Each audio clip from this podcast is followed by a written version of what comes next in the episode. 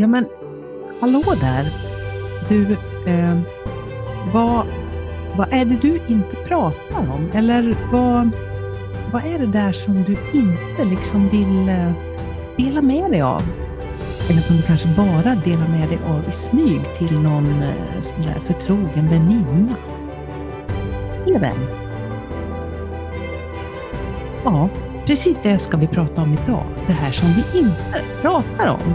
Och den vi ska prata om det här som vi inte pratar om, som vi ska prata om nu, det ska vi göra med en kär vän och en återkommande gäst som eh, hon börjar bli stammis i den här podden.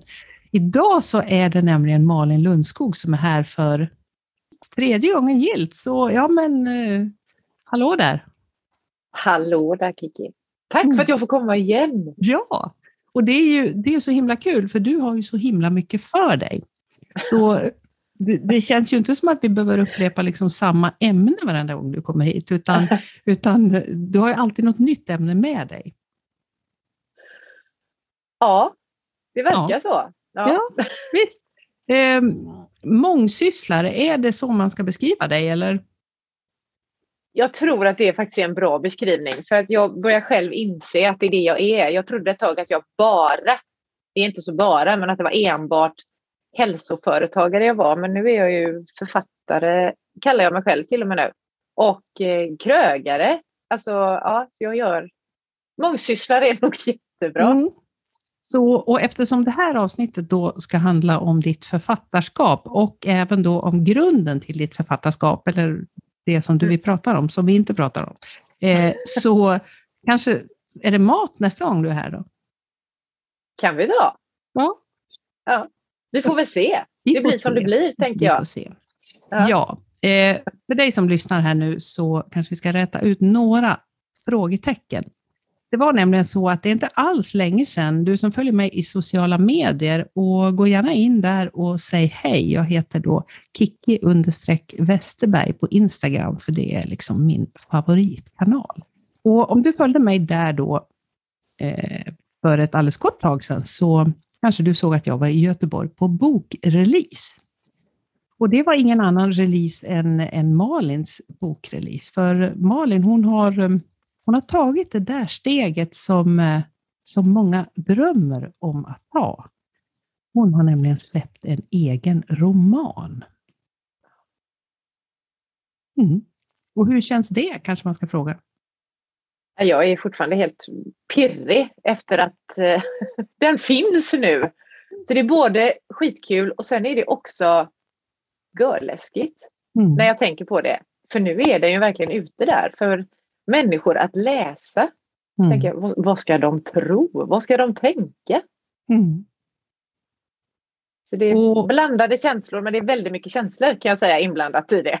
Mm. Ja, det kan jag mm. tänka mig. Eh, för eh, den här, eftersom vi umgås ju ganska regelbundet du och jag, och den här romanen har, har, ju, har jag hört om nu väldigt länge.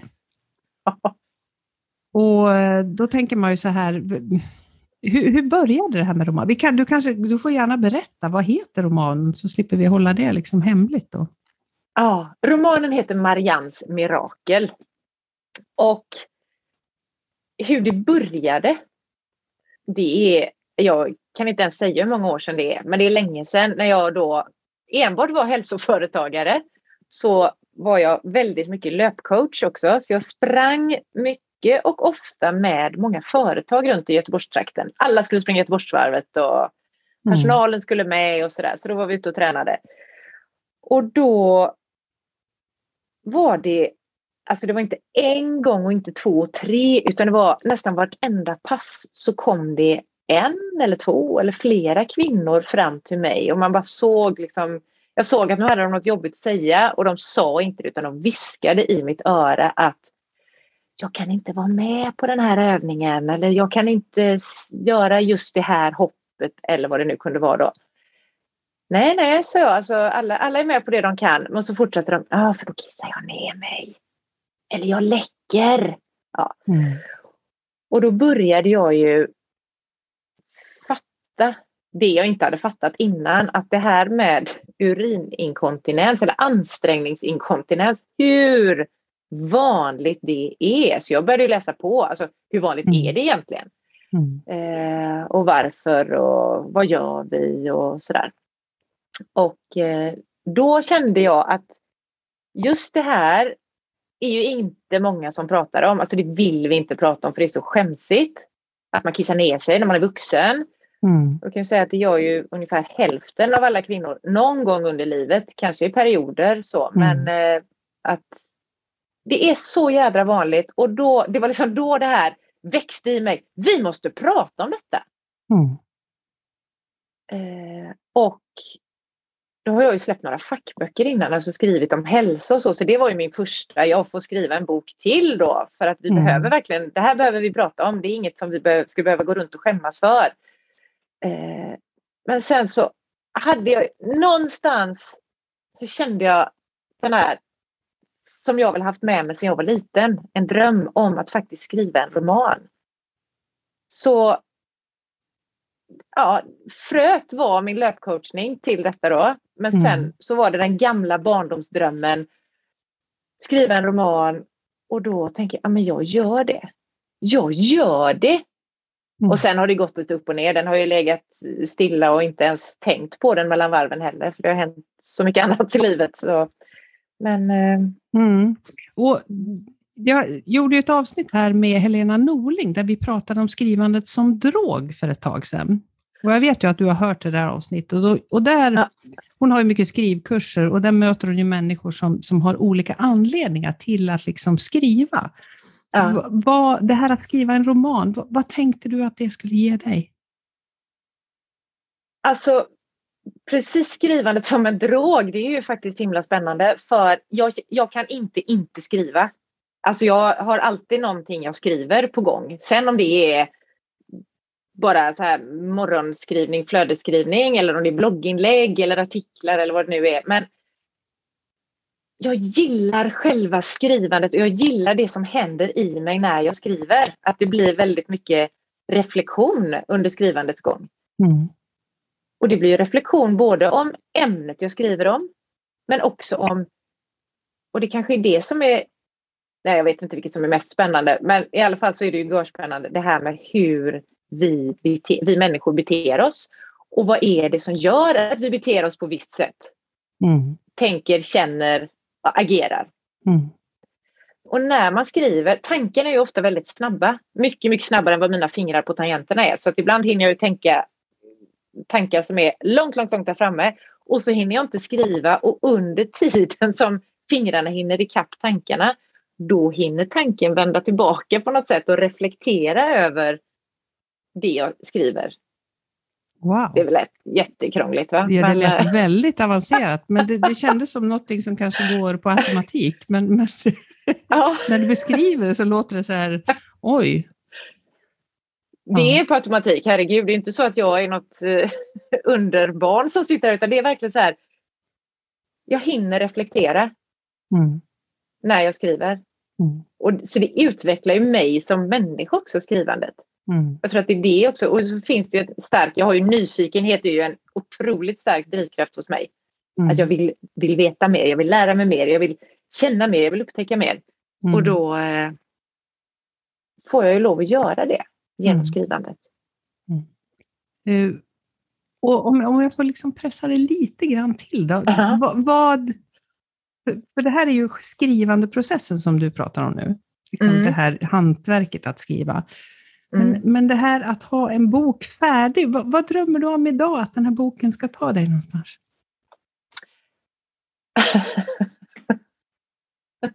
det var ju en jättejobbig fråga Kiki, för den vågar jag...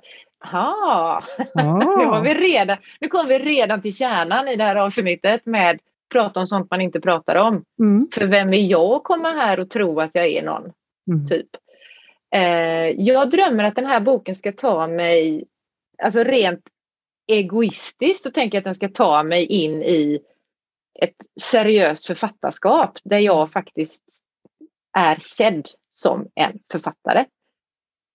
Och om det sen leder till eh, tv-soffor, poddar, Du ser, mm. jag är ju redan där. Mm. så eh, är ju det väldigt roligt. Men också så har jag ju den här, det är ju rent egoistiskt att bara shit vad kul att vara en författare. Men att det jag skriver, att det betyder någonting, att det gör skillnad. Där tror jag nog att det är det starkaste, att jag gör genom mina texter då, att jag gör skillnad för andra. Mm. För eftersom jag nu har skrivit då, hela den här romanen går egentligen ut på att prata om sånt vi inte pratar om. Mm. Eh, att min, vad ska jag säga, för det vi inte pratar om det är sånt vi ofta tror att vi är ensamma om. Mm. Eftersom ingen annan vågar prata om det så tror vi, går vi där i vår lilla egna bubbla och tänker att shit, det är bara jag som tänker så här eller känner så här eller ja, det är bara jag som är vuxen och kissar ner mig ungefär. Mm. Men så jag hoppas på något sätt att det här kan göra att vi känner, eller de som läser den då, känner sig mindre ensamma och gör att steget till att i det här fallet då kanske söka hjälp blir kortare. Och mm. att man också ja, men öppnar upp för samtal på något sätt. Att det blir människor inte behöver känna sig så ensamma för de vet att det finns alltid någon annan som är med om ungefär samma sak. Mm. Och det behöver ju inte bara gälla inkontinens tänker jag, utan Nej. det här gäller ju så otroligt många grejer. Mm. Mm. Men berätta lite grann om boken för den som är nyfiken, utan att liksom avslöja alltihop. Ja. Vad heter Har vi sagt vad boken heter? Det ja, det har vi, men jag kan ja. säga det igen. Ja, jag det tycker det, om tycker det. Mm. Marians mirakel heter mm. den. Och det, själva titeln kom till mig, det var inte förrän jag skrev slutet på boken. Så mm. det var absolut inget arbetsnamn utan min ingång i det hela var ju något helt annat och den skulle heta något helt annat. Och ja, jag trodde ju, jag visste inte ens hur den skulle sluta, men det här kom på slutet i alla fall. Så att eh, Marians mirakel. Den handlar då om Marianne som är en kvinna i 70-75 års åldern och mm. hennes två vuxna döttrar.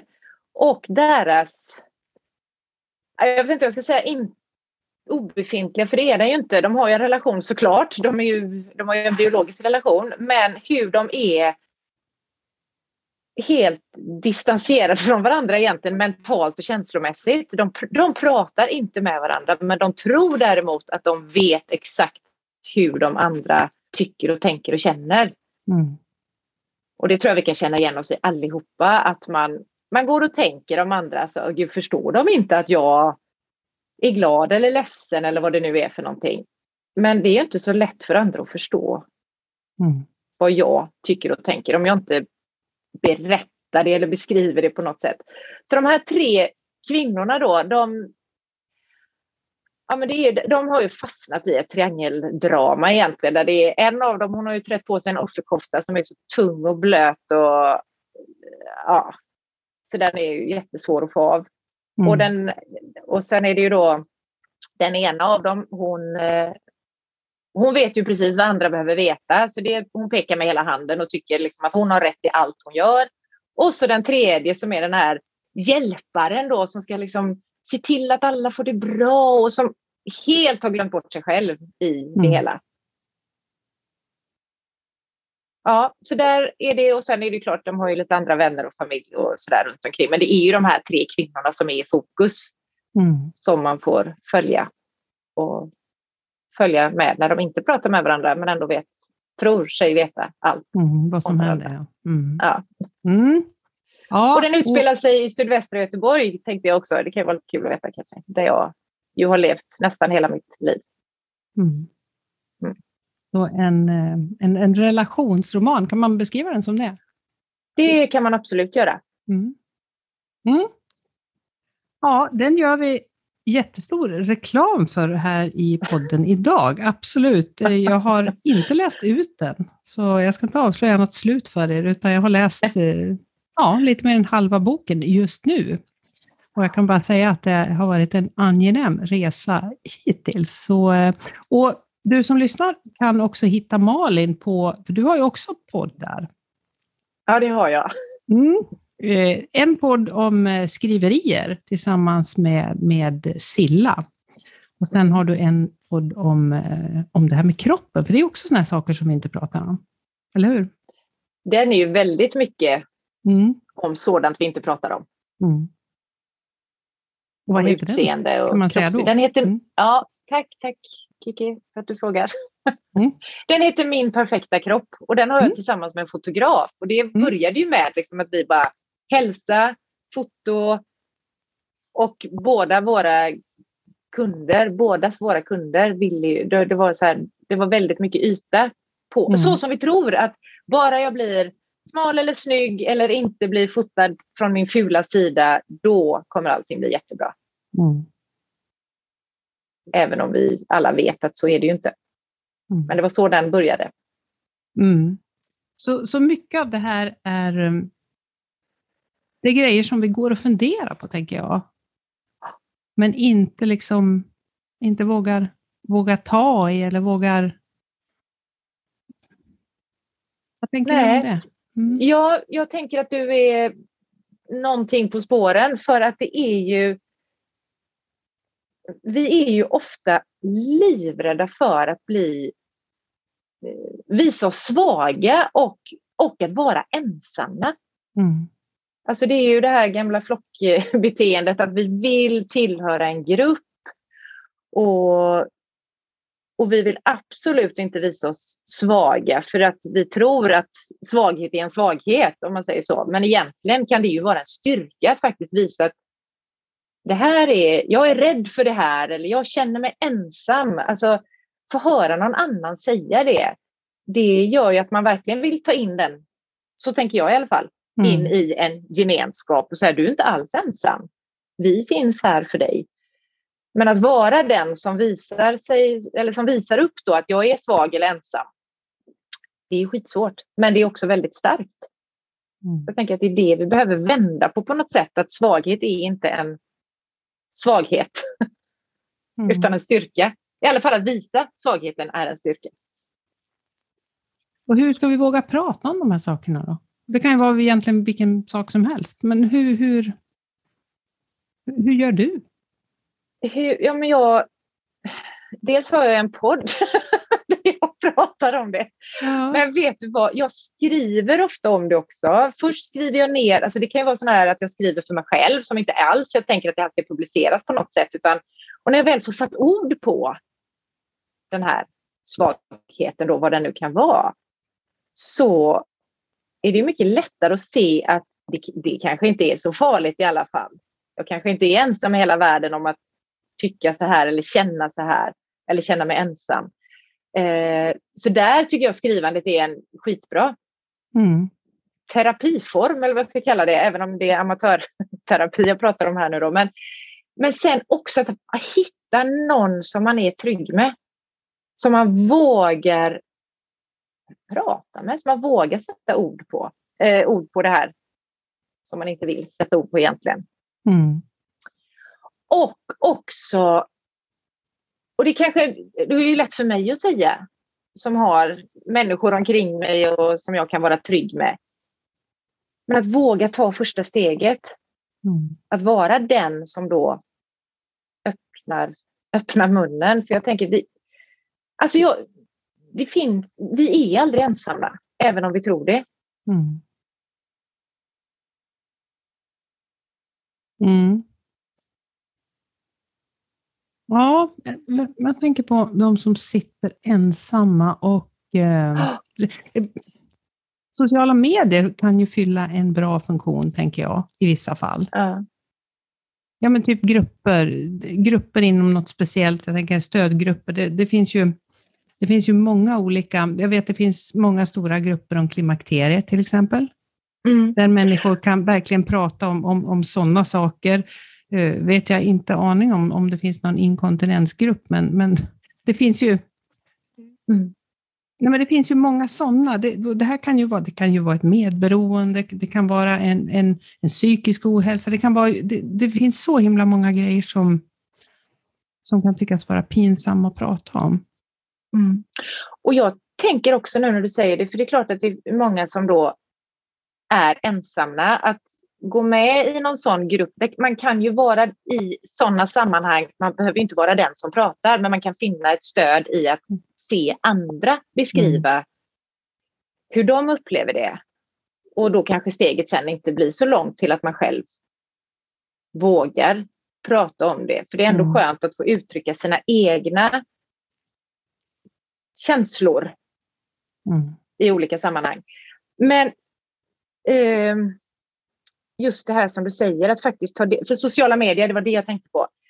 Att, bara, att, att scrolla runt på sociala medier kan ju göra att man känner sig mer ensam och isolerad. Mm. För där har du ju all, alla har ju det så himla bra och alla är ju så lyckliga och det är ju inte någon som är inkontinent eller som är klimakteriesvullen eller vad det nu kan vara för någonting då. Eftersom du nu tog upp det. Men att man tar det ett steg. Gå med i sådana grupper. Mm. Precis som du säger. Det finns ju för allting. Mm. Det kan ju vara ett första steg. Och sen mm. finns det ju, alltså, om man nu känner att det här inte, jag behöver inte ringa sjukvården för detta, för det är inte så allvarligt. Utan, men just det där är väl ett jättebra steg. Mm. Mm. Och sen tänker jag, vet du vad jag också tänker på nu? Att faktiskt men läsa, även om det är skönlitterärt, för det som står i skönlitterära romaner till exempel, hur påhittat det än är, så är det ju liksom mänskliga känslor. De är ju, det, det finns ju bara ett visst antal känslor. Mm. Och de finns hos oss allihopa. Så även om det är skönlitterära karaktärer, tänker jag, så kan man ju finna kanske en tröst i det också. När det... Att inte känna sig ensam. De kan ju också bli ett sällskap. Mm. Öppna upp och att våga prata om saker som, eh, som har legat där och grott. Utan att avslöja slutet på den här romanen, finns det någon liksom sensmoral eller finns det någon sån här uh, how to do it liksom i, i det hela? Hur vi, hur vi undviker och hur vi liksom visar vad vi känner. Ja, alltså sensmoralen i min berättelse är ju det, alltså att våga prata om det vi inte pratar om, för vi är mm. inte ensamma. Mm. Men vilket inte är en sensmoral kanske, eh, är ju, jag tror att mycket av det här också är en generationsfråga. Att det är lättare för oss än för våra mammor till exempel att prata mm. om både klimakterie och inkontinens och mens, vad det nu kan vara för någonting som mm. De äldre generationerna har tystat ner, sopat under mattan, att det inte finns. Så det kan ju också vara så att det som jag sitter här och säger nu som är 50 plus, alltså så. De som kommer efter, det här kommer inte vara en issue för dem kanske, mm. utan då blir det någonting helt annat som kommer med nästa generation. Jag vet inte. Mm. Jag tror att mycket av det här är en generationsfråga också. För det visar sig ju det i Ja men du, det kanske visas i romanen, kommer jag på nu, mm. att det är en generationsfråga. För där har ju de här, det är ju två unga kvinnor med också, som mm. inte har en jätteframträdande roll, men som då är barnbarn till Marianne. Mm. Eh, och eh, de kanske är klo mm. klokare än man tror. Mm. Men det eh, tänker jag inte berätta mer om nu. Nej, det får du inte göra. Det, så det ska vi inte avslöja i det här avsnittet. Vad, vad, jag kommer att tänka på nu eh, i samband med det här, så tänkte jag på eh, det här med eh, manligt, manliga hysch hysch, eller vad man nu ska kalla det. Vad, vad, för nu har vi pratat väldigt mycket om kvinnor och det har vi gjort av ja. den anledningen att din bok är alltså en roman om tre kvinnor ja. och deras förhållande. Men, men männen, vad tror du en ja. män inte pratar om? Ja, de pratar inte om någonting. om jag nu ska generalisera. det där var en generalisering, det måste jag säga. Jag tror att det faktiskt är svårare för män att sätta ord på det de känner, för de är ju inte tränade på det på mm. samma sätt som vi är. Eh, sen, det vet ju inte jag eftersom jag inte är man, vad de tystar ner. Mm. Så då får det här bli ett, ett, ett, ett utrop till, eh, till alla män som lyssnar på den här podden att uh, fundera över vad det är som ni inte pratar om. Ja. För det är ju jättespännande. Mm. För om jag nu får lov att fortsätta generalisera då, så är det ju så att vi kvinnor generellt har lättare för, alltså närmare till våra känslor än vad män har. Mm. Det här är återigen då jättegeneraliserande, för det är klart att det inte är så för alla, men det är också, det är inte bara i könet, utan jag tänker det också i den liksom, kulturella, i vår uppfostran, mm. så är det ju väldigt mycket mer så med kvinnor, känslor, vi pratar, medan män ska inte gråta, inte liksom visa några känslor. Mm. Och det är klart som sjutton att då får de ju trycka tillbaka ännu mera. Mm. Mm. Ja, det vi inte pratar om som vi har pratat om nu. Eh, om vi åter då till Marians mirakel och eh, det som du har framför dig nu. Vad händer? Vad händer efter en release? Vad, vad, ska du ut på turné nu eller vad, vad har du på det? Jag har, ja men nu ska jag vara med på lite julmarknader här runt i krokarna. Eh, och sen, jag kommer nog till Dalarna till våren mm. på någon litteraturfestival där. Eh, jag, ska, jag har blivit inbjuden till nätverk, som, alltså en tjej som ska ha kundträff. Där ska jag och min bok vara. Jag finns på lite butiker runt omkring här just nu. Mm. Men eh, ja, Sen tänker jag mig då så småningom, eftersom du frågade förut vad jag tänker att det ska bli av det här, så tänker jag mig att en tv-soffa kanske, mm. någonstans. Mm. Malou. Fråga doktorn. Ja, exakt. Mm. Tack för tipset. Vad spännande. Då, ehm, då får vi se vad som händer här framåt med, med Marianne och, och uh, miraklet. Och framför allt så vill jag ju ta chansen att gratulera dig jättemycket till den här, till den här romanen, att den äntligen är född. Och, och jag vet att det, det kommer väl kanske ett syskon så småningom? Va? Det är på väg. Mm. Mm. Härligt. Det ja. frö, fröet är sått också. Yes. Mm. Vill du skicka med någonting ytterligare innan vi slutar här idag? Ja, det vill jag. För jag vill faktiskt säga detta att eh, våga, även om du aldrig har varit det förut, så våga vara den som tar det första lilla myrsteget om det är något som skaver i dig som du känner att jag behöver faktiskt hitta någon att prata med. Mm. Det tycker jag var en bra avslutning. Tack. Ja, men lycka till då Malin, så hörs vi. Får vi se när, när du dyker upp igen. Tack. Så till dig som eh, tänker att eh, det här borde jag prata om, men eh, vågar inte riktigt ta det här steget. Jag vet att det finns saker som jag inte vågar prata om. Så eh, kanske ska vi komma överens, du och jag, här och nu, att ta det där första, första lilla steget. Och det första steget kan faktiskt vara att säga det rakt ut. Då kan du välja ett tomt rum eller en garderob eller var du nu befinner dig. Och sen steg två då att eh, ta det här första steget att verkligen våga prata med någon annan. Jag ska anta utmaningen och jag tycker att Kanske gör du det också. Hur du än är så eh, blir jag jätteglad om du är här med mig nästa vecka också. För då kommer det ett nytt avsnitt och eh, då blir det bara jag. Så får vi se vad som dyker upp i etern då. Sköt om dig och eh, ta hand om dig.